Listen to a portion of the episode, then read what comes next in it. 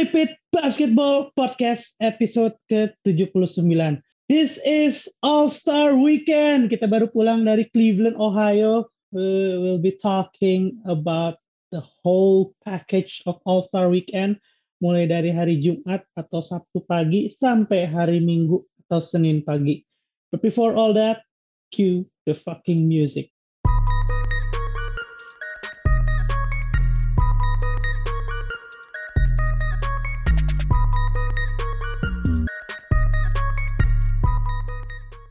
Selamat pagi, siang, sore, malam, para pendengar Vivid Basketball Podcast. This is your host, Amar Syarewindra. Senang bisa nge-host back to back nih, uh, jamnya sesuai, temanya juga ya something that I curi-curi nonton gitu ya.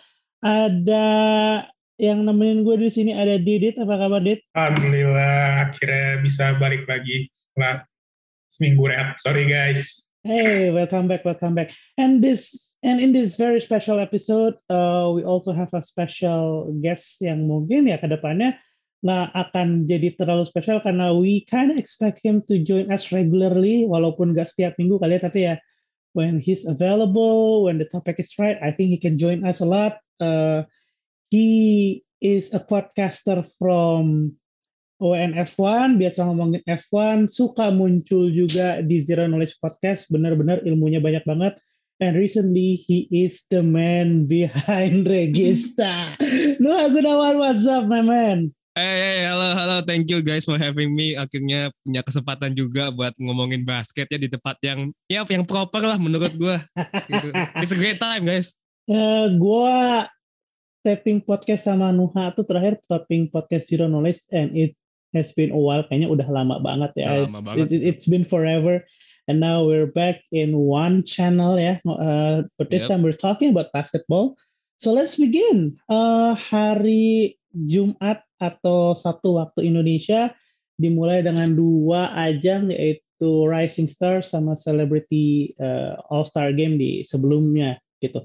Nah, gue mau tanya sama Nuha nih, lu nonton Celebrity All Star Game karena emang pengen lihat a good basketball game or is it because Miles Garrett? Gue ngelihat Celebrity Games bukan cuma karena apa ya Miles Garrett. Ya gue tahu ada Miles Garrett di sana and he's actually having fun in that. Mm -hmm. Cuman gue juga melihat orang-orang lain yang ada di sana juga kayak ada Machine Gun Kelly. Uh -huh. Yang yang pasti yang paling gue favorit gue ada Quavo. Itu Quavo, let's go. Emang itu orang emang geek basketball nerd NBA banget ya karena almost in every NBA agenda tuh ada dia terus. Bahkan hmm. kemarin yang terbaru di Ultimate Draft NBA 75 itu out of nowhere ada Quavo di antara semua semua kayak contoh kayak Suber lah terus kayak Inside of ins, apa NBA Inside yang kumpulan-kumpulan kayak Shaq O'Neal terus Ernie Johnson, Kenny Smith. Kenapa tiba-tiba ada Quavo kan menurut gue kayak agak aneh cuman itu kayak presence dia. Berarti di NBA udah dianggap segitu gedenya. Influence dia udah cukup gede makanya gue seneng sih ngeliat Quavo walaupun MVP-nya bukan Quavo ya Siapa sih MVP-nya kemarin? Alex Tusan. No, no, honestly I don't know who yeah. that guy is. Hmm. Uh, Dit, siapa sih itu?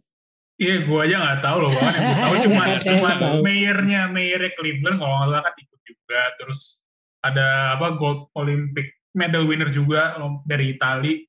Ya yeah, he has hope sih. Kalau gue lihat highlightsnya dia damnya gila-gila sih. Maksudnya nggak segila Miles Garrett, but he got hops ya, nama juga atlet lompat ya. Jadi dunk it's just way too easy for him to actually. And ada oh, ada ini juga ada Jack Harlow juga. Jack Harlow ya. Yes. Jack Harlow four point play. Yo, anjing iya lagi. ah, gini ya, kalau Celebrity All Star Game tuh berapa tahun terakhir selalu identik dengan Kevin Hart and his antics gitu dia udah hmm. berapa kali main, berapa kali jadi MVP, terus kayak gitu katanya he decided to retire from a celebrity all star game, and I kind of miss that. Tapi at the same time we have uh, the next man the next man up gitu ya, yang uh, harapannya bisa jadi that icon in celebrity all star game, which is Quavo tadi teman Hoa udah dijelasin uh, panjang lebar gitu. Tapi sayangnya dia di tahun ini nggak jadi MVP.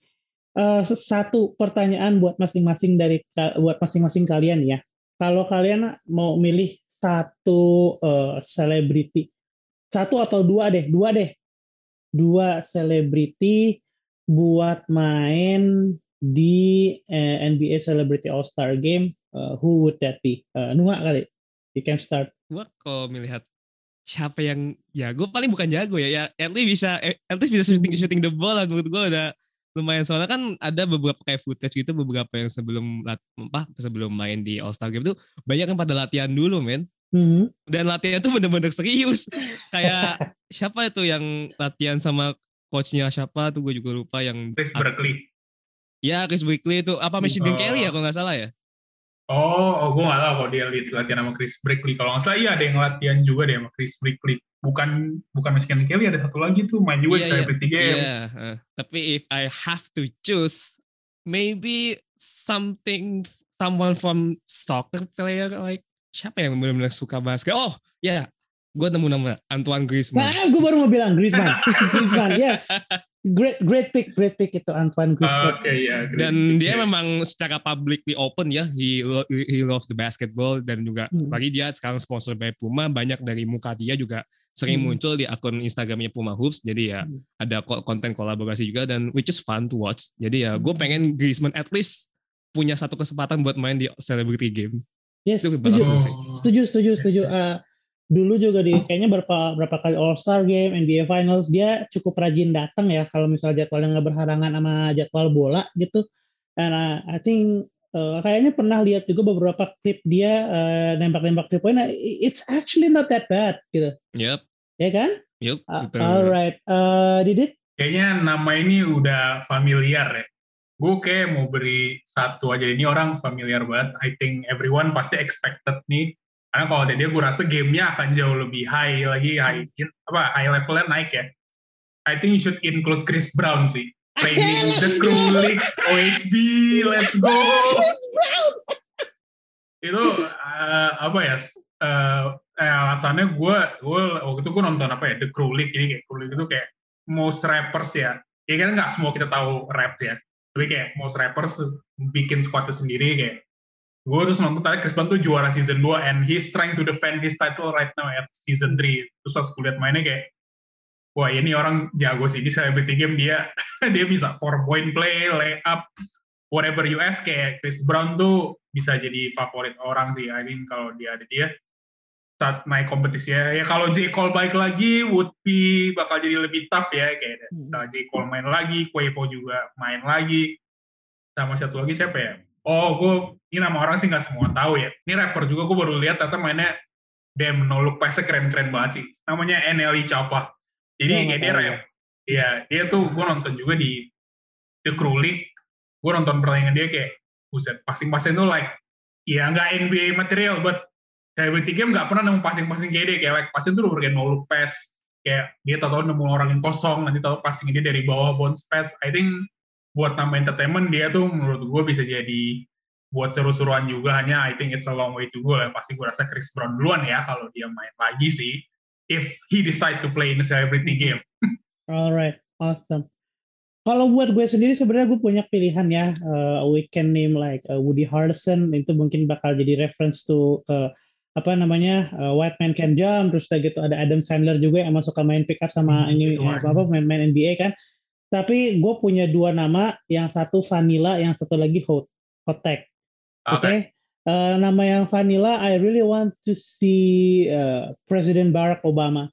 Oh, oh iya. iya itu itu vanilla gue gue pengen gue Vanilla pengen sih, tapi eh, Pak Fadil, fair, tapi fair. tapi pengen, tapi Pengen lah, gue jujur Fair, fair. pengen banget sih nonton uh, Obama main basket gitu ya Uh, I mean uh, dia dari dulu juga udah he's a basketball fan kemudian uh, he can shoot ya kan terus yeah. uh, secara reguler juga ikutan uh, March Madness bracket nanti mungkin kita akan bahas di Maret kita akan bahas dikit lah nggak nggak usah banyak-banyak Eh, satu lagi ini yang agak hot eh, dan mungkin tempatnya harus di New York dulu. Eh, kalau Didit sudah sedih begini harusnya dia udah dia nebak nih arahnya kan.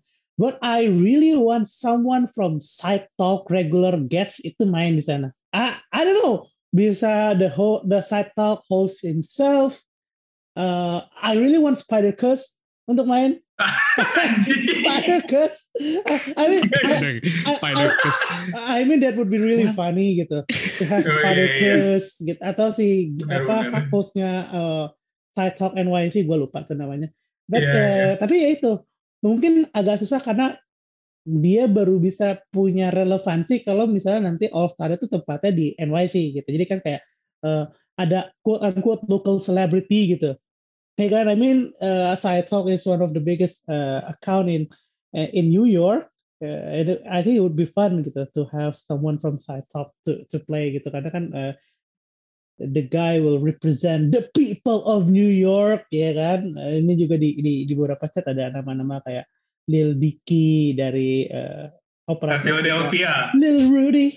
Uh, kasih nama-nama gitu. Gue kepikiran satu satu nama lagi sih. Boleh, go shoot, go shoot. But actually it's not a name, it's not a name of person, but a name of bunch of group RDC World. iya lagi itu, itu bakal bakal sumpah bakal iya. seru banget sih. Itu apalagi iya, kalau misalnya mereka di, benar bisa bikin konten dari NBA Celebrity Game terus impersonate all of the personality of NBA player. Eh. it would be fun to watch. Gue eh, bakal pantengin oh, itu yeah. Celebrity Game great pick great pick. Gue juga kalau kalau misalnya ada RDC World ada side talk main gue bakal nonton sih. Itu yeah, harus yeah, pindah yeah. ke prime time hari Senin aja pagi. That's gitu. prime time worthy for you. Uh, karena pasti seru banget, pasti lucu banget and I, I think uh, the guy from RDC World si Mark Phillips dan teman-temannya itu kan dia emang uh, ngefans banget sama NBA I think uh. they made something with LeBron kemudian uh, mereka foto sama Roots kayak mereka starstruck and I would imagine that kind of starstruck feeling being in an NBA court gitu uh, main mungkin sama beberapa bintang. That would be fun. That would be really fun. But uh, let's talk more about uh, something fun as well gitu ya. Kita akan coba bicarain soal ini basket yang agak serius ya. Uh, Rising Stars uh, ini kalau dulu rookie versus sophomore, kemudian tim USA versus Team World, gue cuma nonton sedikit tapi kayaknya they have this new format of teams kayak tim Isaiah, tim Worthy, yep. tim siapa lagi? Gue lupa Nuha atau Didit tim, bisa namanya? Tim Payton tim, tim Payton, Payton ya. sama tim Barry tim, tim Rick Barry ya. Right right. I didn't really actually watch the game gitu ya. Sorry banget. Lu nonton gak no kalau bilang nonton gue nggak terlalu karena itu kan Sabtu pagi ya karena gue waktu itu juga ada dalam tanda kutip acara ada gitu. acara jadi gue acara kayaknya acaranya gitu sama gue jadi deh gue gak, kan? kayaknya kayak kayaknya sama semua yang ada di sini tahu gak? Iya, kayaknya pada di sini pada ikut acaranya deh terus terus. Iya, itu sudah ketebak lah ya. Anyway, gue, iya, sudah ketebak. Kita semua sudah tidak nonton dan tidak ikut. Tidak, tidak datang dan tidak nonton. Tapi gue suka dengan format yang baru ini hmm. dengan dibagi kayak kayak jadi kayak kontes tiap semifinal gitu jadi empat, empat tim dibagi dua dan dua dua yang yang menang bakal ketemu di final itu konsepnya gue suka karena ini kayak sebuah angin segar ya karena sebelumnya cuma kayak USA versus World itu for me is quite boring karena hmm, setuju. ya teknik teknik tekniknya cuma ya kayak biasanya aja gitu jadi eh, oke okay, that was entertaining ketika apalagi ketika waktu Trey yang sama Luka as the, in, the, in the rookie season itu emang benar-benar hmm. entertaining cuma makin ke sini kan talent-talentnya juga apalagi kan cuma main rookie dengan sophomore otomatis talentnya juga terbatas. Mm-hmm. ya bisa mengandalkan talent-talent yang udah berumur dan nggak kayak Ben Simon yang tiga tahun main di Rising Star gitu kan. Dan formatnya gue suka. Jadi ya it's fun it's fun to see the highlight and the all of the stuff dengan format yang baru. Dan gue rasa juga Rising Star ini akan menjadi salah satu main main event juga karena memang seru banget dengan format yang baru. Hmm, Oke, okay. so uh, jadi kalau format yang baru ini membuat si Rising Star ini actually worth to watch ya. But we'll see next year apakah ini akan jadi satu uh, model A/B testing gitu ya dari NBA atau kayak mereka coba-coba ya, kan jadi, di, ya. di box out juga kayaknya sempat dibahas ah, ini mungkin salah satu uh, metode A/B testing buat mereka cobain something gitu. But so far it's working. Menurut lu gimana, Dit? Uh, what it's really working. It yeah. works well. Yeah. I think kalau dilihat gue jujur juga nonton hanya lihat highlights ya, which highlights kan nggak bisa mendikte sebuah pertandingan ya. Hanya yes. kalau gue lihat summary-nya itu emang sempet ini sih, sempet apa kayak comeback comeback win lah. Jadi kayak skornya tuh kayak awalnya ketinggalan berapa poin terus dikejar lagi, tinggal berapa poin terus dikejar lagi kayak somehow this young stars tidak mengecewakan ya, apalagi MVP-nya Kate Cunningham. Kate. Oh, ya motorcade tuh kayak apa ya? Iya, uh, Kate. Kate Cunningham.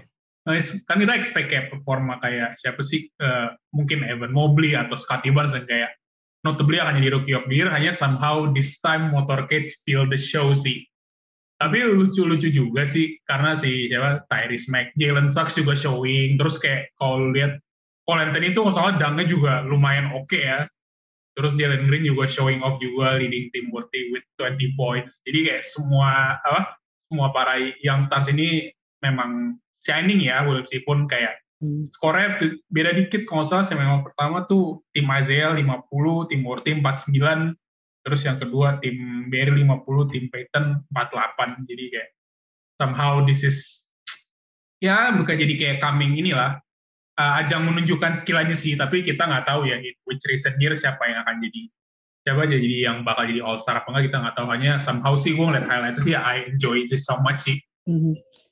One thing for sure ya, yeah. one thing for sure is that I know that this class of NBA rookies and sophomore ya dua tahun terakhir talent di NBA ini ya they're they're doing really well. Mereka sangat-sangat talented. Uh, they can play ball. Uh, kita tinggal tunggu aja nih siapa yang bakal take NBA to the next level kayak Trey Young dan juga Luka Doncic. Speaking about them both, di segmen 2 kita akan bahas lebih banyak lagi ajang-ajang di All-Star Game and we'll also going to talk about them both coming right up di segmen 2. Welcome back to Tripit Basketball Podcast di segmen pertama kita sudah bahas tentang celebrity game dan rising stars. We talk about other things uh, going on.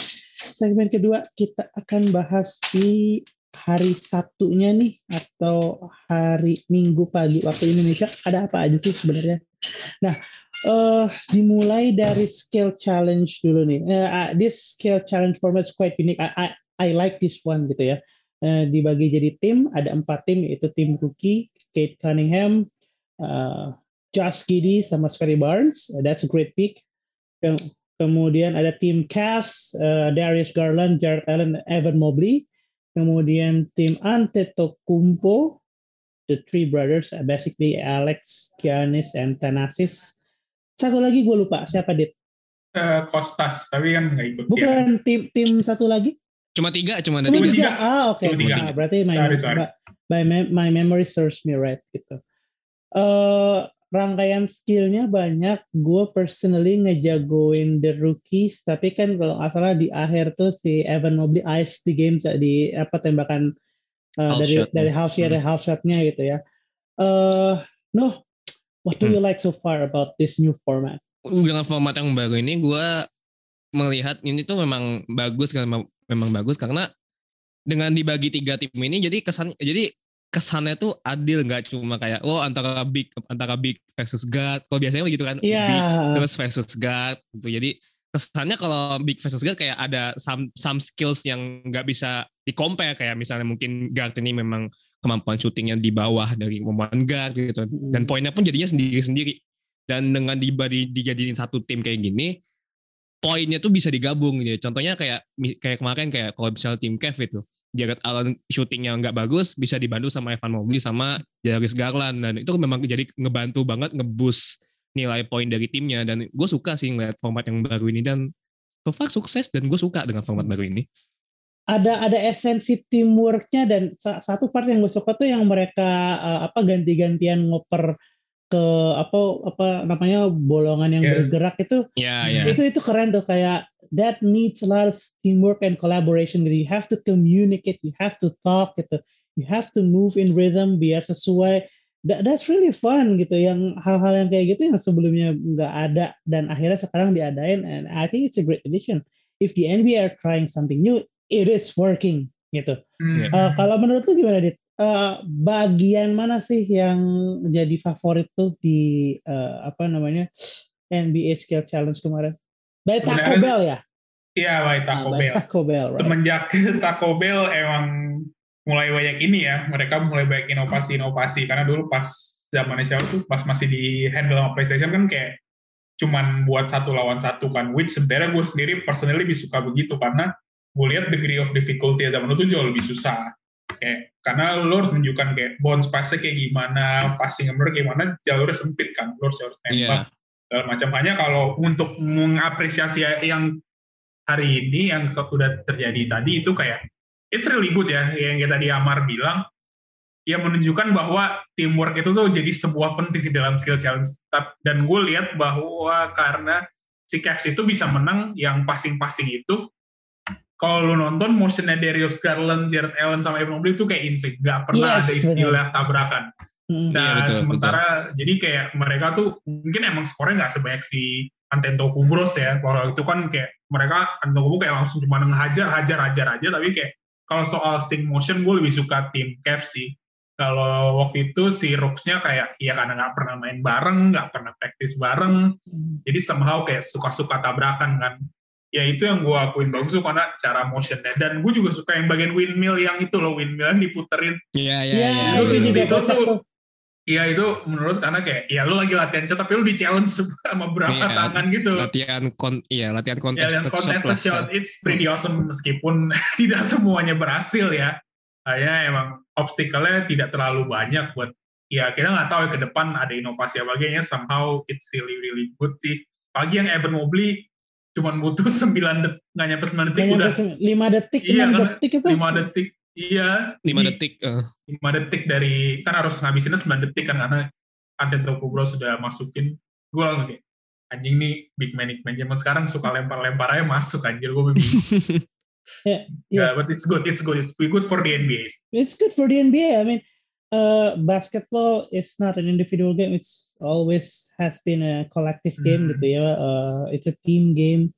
Uh, you can you cannot win alone. You have to have your teammates gitu. Dan dengan uh, formator di skill challenge ini kayak uh, menunjukkan hal tersebut gitu bahwa main basket tuh kolektif. Lu nggak sendiri. sendiri. Jadi kayak sendiri. walaupun ada esensi sendirinya gitu kayak yang dia uh, jalanin apa estafet kan lari estafet itu kan nah. sendiri-sendiri gitu. Cuman kan yep. yang yang passing terus kayak gitu yang shooting itu kan ada esensi teamwork jadi ya it's it's a great mix gitu.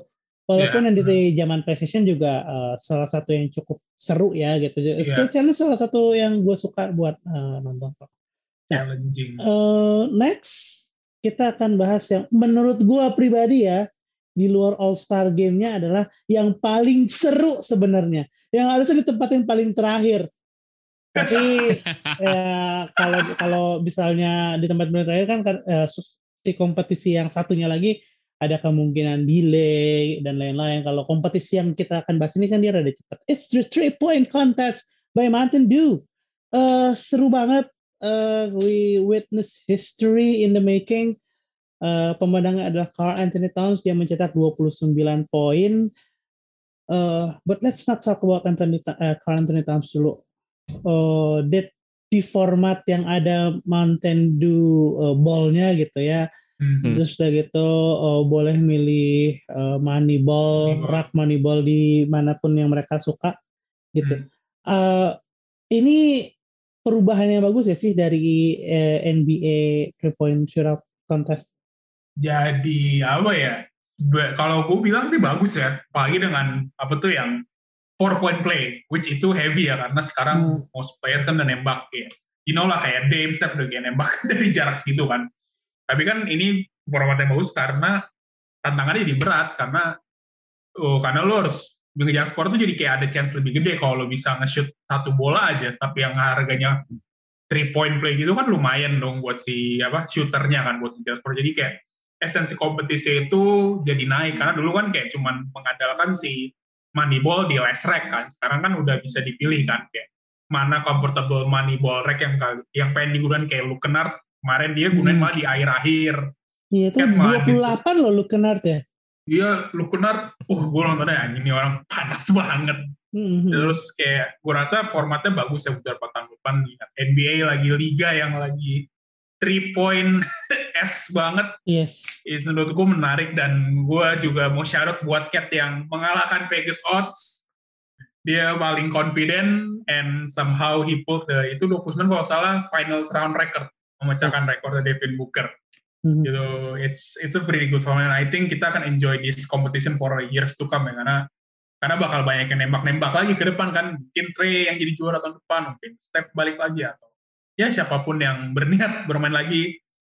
Dan Zach Levine gue rasa udah gak usah main lagi sih Zach Levine udah balap no, aja. Mending Zach, boleh. Zach Levine mending ya ke yang satunya ya. lagi iya, lah. balik ke yang satunya lagi. tiga kali tiga kali gak apa-apa lah kalau yang itu iya. katanya udah habis dia udah gak tahu mau ngapain lagi jadi udah.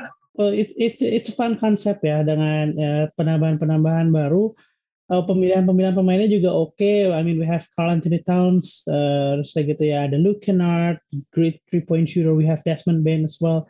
Uh, now gue mau oper ke Nuha, and uh, gue mau kasih spotlightnya buat tuh bahas segala tentang Carl Anthony Towns. Jadi go ahead.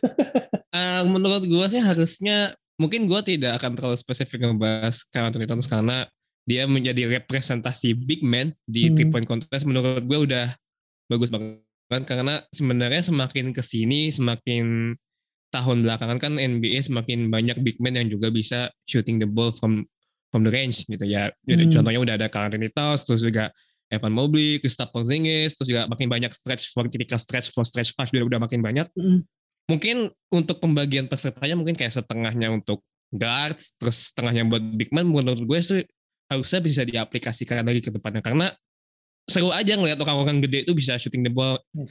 Embiid juga sebenarnya juga bisa shooting the ball from the range. Itu bisa dia bisa. Bisa, bisa banget. Bahkan kalau dia mau ikutan three points three points three point contest tuh menurut gue bisa banget. Jadi ya buat kalau Tops ya selamat lu bisa bragging gelar itu sebagai the the, the big, the big man who can shoot ya lu bisa bragging itu selama setahun lah nih loh gue center yang bisa nembak dari jauh ya lu pamerin gelar lu di depannya Joel Embiid di depannya siapa tuh Jokic. Depannya depan Jokic, terus juga depannya Javal McGee itu gak apa-apa siapa lah gitu juga boleh gitu. depan Dwight Howard.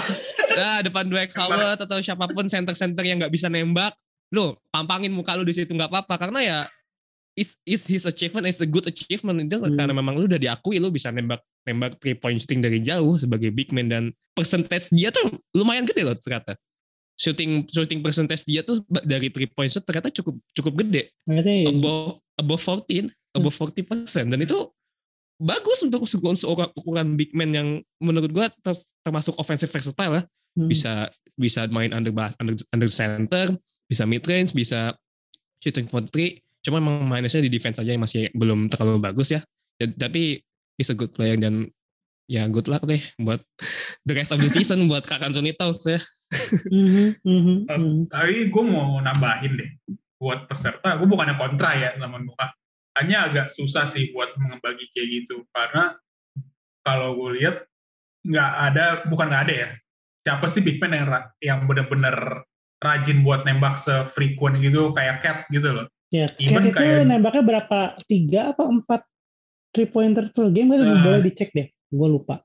Uh, I think menurut gue makanya kenapa banyak guard? Karena mereka kan semuanya itu kan frequent mostly, shooter ya. Uh, frequent yeah. shooter, even yeah. kayak kayak si apa CJ kalau aja frequent aja dia bala, Zack pun bala. Terus siapa sih? Jadi kayak emang di kontes itu ya kita akan eh, kecewanya pasti akan ada yang cold cold banget yang kita rutin tapi juga ada yang sama ya akan ada hot hot banget karena agak susah kalau mengharapkan big man yang bisa nembak serutin gitu loh kayak gue rasa kalaupun Embiid ikut ini gue nggak mau surprise tapi kayak dia nggak akan jadi sukses sih di di belum tentu bisa bukan nggak bisa belum tentu bisa hmm. punya kayak debut kayak Cat yang ngakuin anak Cat lebih rutin nembak sementara Embiid live and die through the post gitu terus kalau kayak Jokic kan andalan jamnya kan lebih sering di dalam hmm. nggak hmm. gue nggak bisa expect dia kan nembak serutin ha, serutin itu gue rasa masih akan terpantau sama guard guard gitu makanya gue lihat lu kenar tuh kayak exceptional banget sih rilisnya dia kayak udah kidal nggak berhenti berhenti keren banget aja Alright. Acau. Uh, I, but I think ya dari dari apa yang lu berdua sampai ini I think there's one thing that we can agree hmm. yaitu adalah we can celebrate Carl Anthony Towns. Yes. Sekali yeah. lagi gue pas denger speechnya dia selesai basket kayak ah, iya, itu uh, ya yeah, don't tell anyone that you can you cannot do anything terus kayak gitu kayak hmm. dulu gue dikasih tahu kayak lu ngapain sih nembak-nembak three point gitu uh, eh, gue tetap latihan sama bokap gue gue tetap main uh, dan ya hasilnya ini sekarang gue bisa ngeklaim kalau diri gue adalah the best shooting big man uh, in the NBA gitu and that's really a great thing Iya yeah. Eh ini ada Jain nih, dia tiba-tiba bisa hadir. Jain apa kabar? Alhamdulillah uh, dikejar deadline. Nah, apa kabar kalian semua? baik, baik, baik, baik. Uh, ya tadi kita habis bahas soal uh, apa three point contest. We celebrate big men who can shoot. Uh, saat ini titlenya diklaim sama Carl Anthony Towns. Nggak uh, tahu hmm. apakah tahun depan uh, maybe Zion Williamson jadi punya motivasi buat ngambil itu ya. Benar, maksudnya tahun depan Zion nih masih main atau enggak nih? Kita kan masih belum tahu lah. nih. Main dong, doain lah. Poin, uh, eh Zion main, cuma mainnya main jualan franchise Gambo ntar. gua nih ya, gua berdoa dari dalam hati dari dari lubuk hati yang paling dalam, gua nggak mau kejadian Zion sama Jamoran itu sama kayak Greg Oden dan Kevin Durant. Aduh. But uh, Zion actually got an All Star ya, Oden enggak? Jadi kayak uh, kalau mau dibandingin sih enggak sih kayaknya. Zain masih masih punya masa depan yes. yang lebih cerah Masih lah. punya harkat dan martabat lah ya Zain. Iya jelas itu juga. Alright. Penguin, penguin. Semoga tahun depan kita bisa lihat Zion Williamson main dengan full, main sehat, badannya kurusa, dan main di All Star Game 2023. Nah, tapi buat saya kita akan bahas All Star Game 2022 dulu nih tadi pagi gue nonton colongan ya sambil tipis-tipis kerja kayak apa altep altep altep gitu. Formatnya baru ya dari yang gue lihat uh, dia ngitung per quarter poinnya berapa kan kayak quarter satu dihitungin uh, berapa poin saya gitu the, the, the apa scoreboard reset to zero tapi dia akan tetap akumulasi sampai akhirnya di ujung uh, skor yang dicari itu 163 ingat gue. Ya 163 mm-hmm. dan pertandingan itu ditutup sama uh, fadeaway jump shotnya LeBron James yang uh, apa komentator itu kalau salah Reggie Reggie Miller terus gitu ada uh-uh. AI Cleveland! Ya yeah, Cleveland! This is for you! Semua. Bersorak kayak gitu. It was a really fun closing gitu ya. Uh, uh-huh. karena ada Zain gue mau tanya sama Zain dulu. Uh, mm-hmm apa tanggapan lu terhadap game yang tadi pagi gitu? Kayak lu nonton nggak? Dan apa yang lu suka sih dari situ? Gua gue nonton ya uh, dari quarter dua akhir sampai terakhir gitu kan. Dan uh, yang gue notice gue sambil nonton sambil buka-buka Instagram juga Twitter juga gitu kan. Ya pokoknya get ready for anything gitu. Uh, yang gue notice adalah Steph Curry getting boot gitu kan. Getting boot gitu. All day, all day, all day, all tiga hari, tiga hari beruntun. Tiga hari, all day. Dari praktis. iya, apa? Uh, it's kinda fuel his fuel gitu kan. Maksudnya uh, ini tuh beneran ngisi ngisi bensin dia buat going off gitu loh.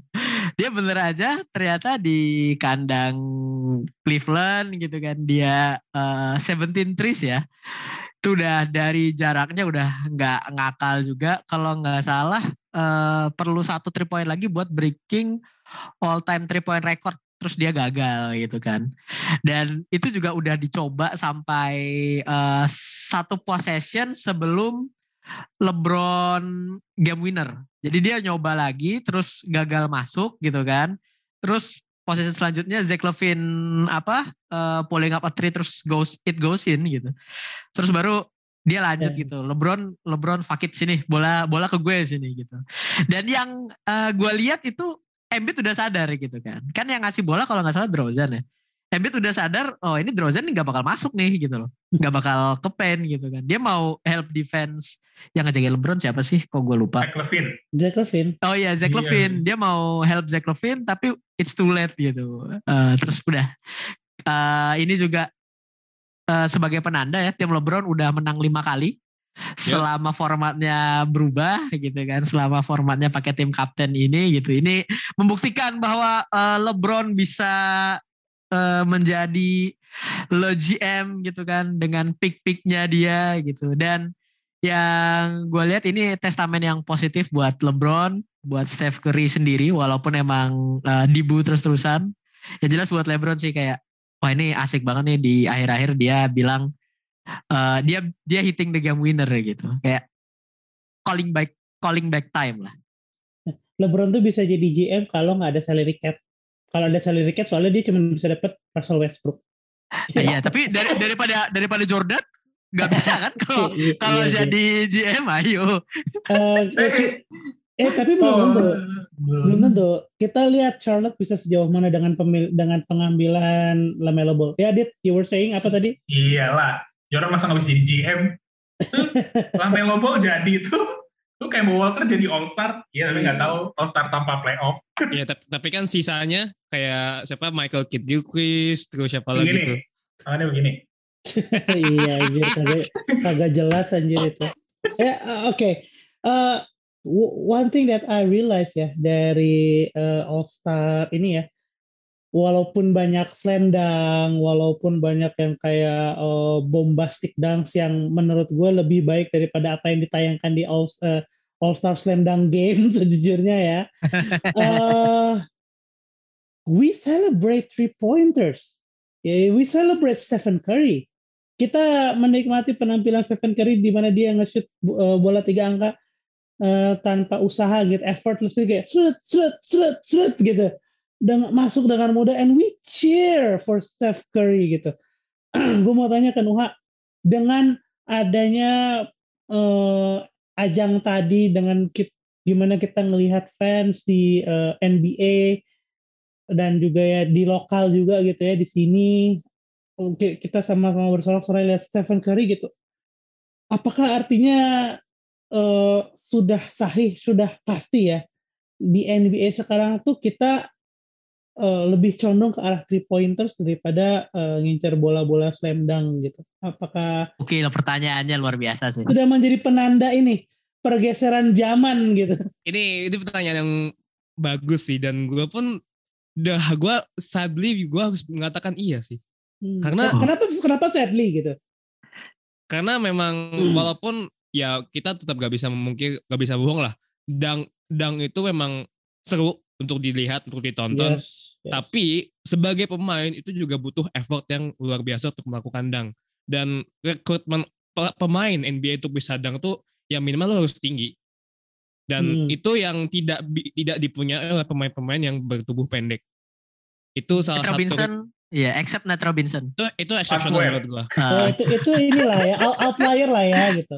Iya, iya, itu iya. exceptional. Tapi kan majority of shot players itu kan nggak bisa ngedang kan. Nah, Dan makanya Isaiah Thomas gak bisa ngedang anjing. Mak- makanya jadi menurut gue memang three point contest menjadi ya mungkin tidak hanya three point contest ya three point shooting pun akan menjadi lebih banyak lagi ke depannya dan ya salah satu trendsetternya memang Steph Curry gitu Steph Curry udah Nah. menjadi trendsetter dan sejak Steph Curry hadir di NBA pun makin lama makin lama juga semakin banyak guards guards yang juga bisa melempar juga bisa three point shooting yang jauh makin banyak banget ya kayak contohnya kayak Young bahkan Young itu setahu gue dia idolizing Steph Curry Hmm, dari hmm. cara dia Hmm. main, cara dia waktu dia bermain di Oklahoma, he look up itu Benar. Steph Curry a lot. Jadi ketika dia main NBA akhirnya dia juga mengikuti hal yang sama. Dan Oh, ke depannya Benar. juga nanti mungkin prospek-prospek ke depannya udah ngeliat wah ini Trae yang jago banget nih three point shooting yang dari jauh. Ah gue mau main kayak dia ah, gue mau lempar jauh kayak dia. Dan itu bakal siklusnya akan terulang lagi dan terulang lagi. Walaupun emang nggak bisa dipukuli, dang itu juga tetap seru, tetap enak untuk lihat. Cuman yang balik lagi, emang tip makin ke sini kan juga pemain itu makin possessionless. Jadi semua, jadi bahkan karena possessionless ini juga semua pemain, even yang pemain sebagai center itu juga harus dituntut bisa bermain three point. Hmm. Ya dan- balik lagi ke cut ya. Balik lagi contohnya ya kalau kita di ke Anthony Towns. Jadi memang skills mu- mungkin sadly-nya karena skill skill set three point shooting ini akan semakin diperlukan untuk NBA ke depannya. Hmm. Benar, benar, benar. Sama kayak ada lagunya ya jadinya ya. Dulu eh, kalau nggak salah Boys Meet Girl bandnya ini. Cause it's two is better than one. Eh bukan, bukan two is better than three. Sorry salah. Harusnya Salah ini lirik. better than two ya. Eh, jadi ini Eh, penganut salah poli- lirik, kamu salah lirik. penganut poligami. Eh tolong. Bahaya ini kalau dibahas ya, ya. diluruskan ya. alright, alright. Bahaya. Co- ki- Coba gue lurusin lagi, coba gue lurusin lagi ke basketball. Still in the topic of Steph Curry gitu ya. Gue mau menutup satu podcast ini dengan satu pertanyaan gitu ya. Sebelum kita pindah ke segmen ek- eksklusif YouTube. Ke Didit nih. Dit, tadi kita udah bahas soal Steph Curry eh, the- and everything that has been going on in the NBA gitu. Gue baca satu tweet, gue mau tanya sama lo tweet ini valid apa enggak? tweet ini mengatakan bahwa uh, Steph Curry play the best of his game when there's nothing on the line. Lu setuju apa enggak? Oh, oh, Amar, Amar is getting better at this job. Amar is getting better at this job, man. I don't know. I saw it and I, I thought I have to ask gitu. Because itu membuat gue kayak oh, ya juga ya because recently kayaknya di tripit juga dibahas shooting formnya Steph Curry gitu ketika dia udah ngelewatin rekor si three point uh, jadi agak declining gitu. Uh, uh, kayaknya pernah dibilang sama benar. sama Takin juga deh. Jadi yeah, ya yeah. gue I cannot help myself but ask gitu. Lu setuju gak sih sama tweet itu? This is some kind of cheap shot ya buat certain person. I don't know, man. I don't know. Ya, gue gak mau ngomong lah who's the person. Lagi celebrate know. lah, let him celebrate. Uh, Tapi uh. Uh, kalau pertanyaan tentang meter, aduh, gue mau jawab nanti jahat ya karena nggak embrace greatness. Uh. Ya, ya gue akan bilang jam shoot KD ngebantu step dapat dua cincin lagi. Oh! oh! oh. And the oh. almost same spot. different Ouch. different point, different guard. J.R. Smith sama LeBron James can testify that. Mungkin yang punya nightmare sama Steph cuman Kevin Love, tapi sisanya ya yang saya rest in peace to Kevin Durant's grandma. I think KD is the one, is the big reason uh. Steph got his two rings. Gua gua gua mau nambahin. Gua oh, mau ya, nambahin. nambahin gua nambahin. mau nambahin. Ya, nah, boleh. Musim 2019 NBA Final yang oh. kalau misal Golden State Warriors yang menang yang uh, obrolan masyarakat uh, masyarakat NBA waktu itu adalah Clay Thompson yang bakal jadi Finals MVP. Saking jagonya dia. Uh, itu itu okay. satu fakta ya. Tadi pertama okay.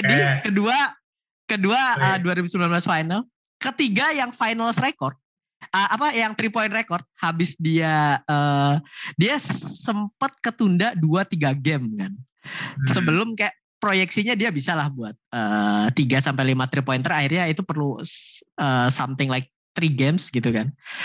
Terus yang waktu juga All Star game barusan itu kan cuma perlu satu doang. Sampai dia beat the record buat uh, most three pointer uh, in All Star history gitu. Ya yeah. itu ya ada ada beberapa poin yang mendukung itu sih. Ini cuma maksudnya uh, opini aja ya teman-teman yang dengerin tripit sekalian. Kalau nggak setuju komen aja silahkan ini ada di di mana di noise gua, nih kolom komentar ya. Gue mau nambahin dah 2019 kalian jangan bawa-bawa GSP lah. Lo inget kan ada member NBA 75 anniversary team rambutnya paling curly yang uh? Lu tahu lah ini siapa? Itu reason. Iya, yang, tangannya paling gede ya. Ya, uh.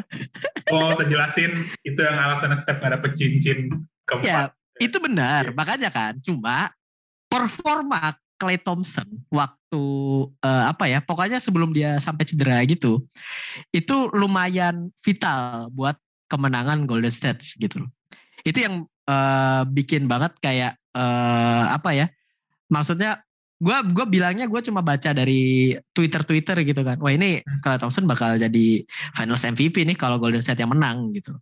Gitu sih. Ya itu juga walaupun emang kalau secara statistik kalau uh, masih tetap Steph masih oke okay juga gitu loh.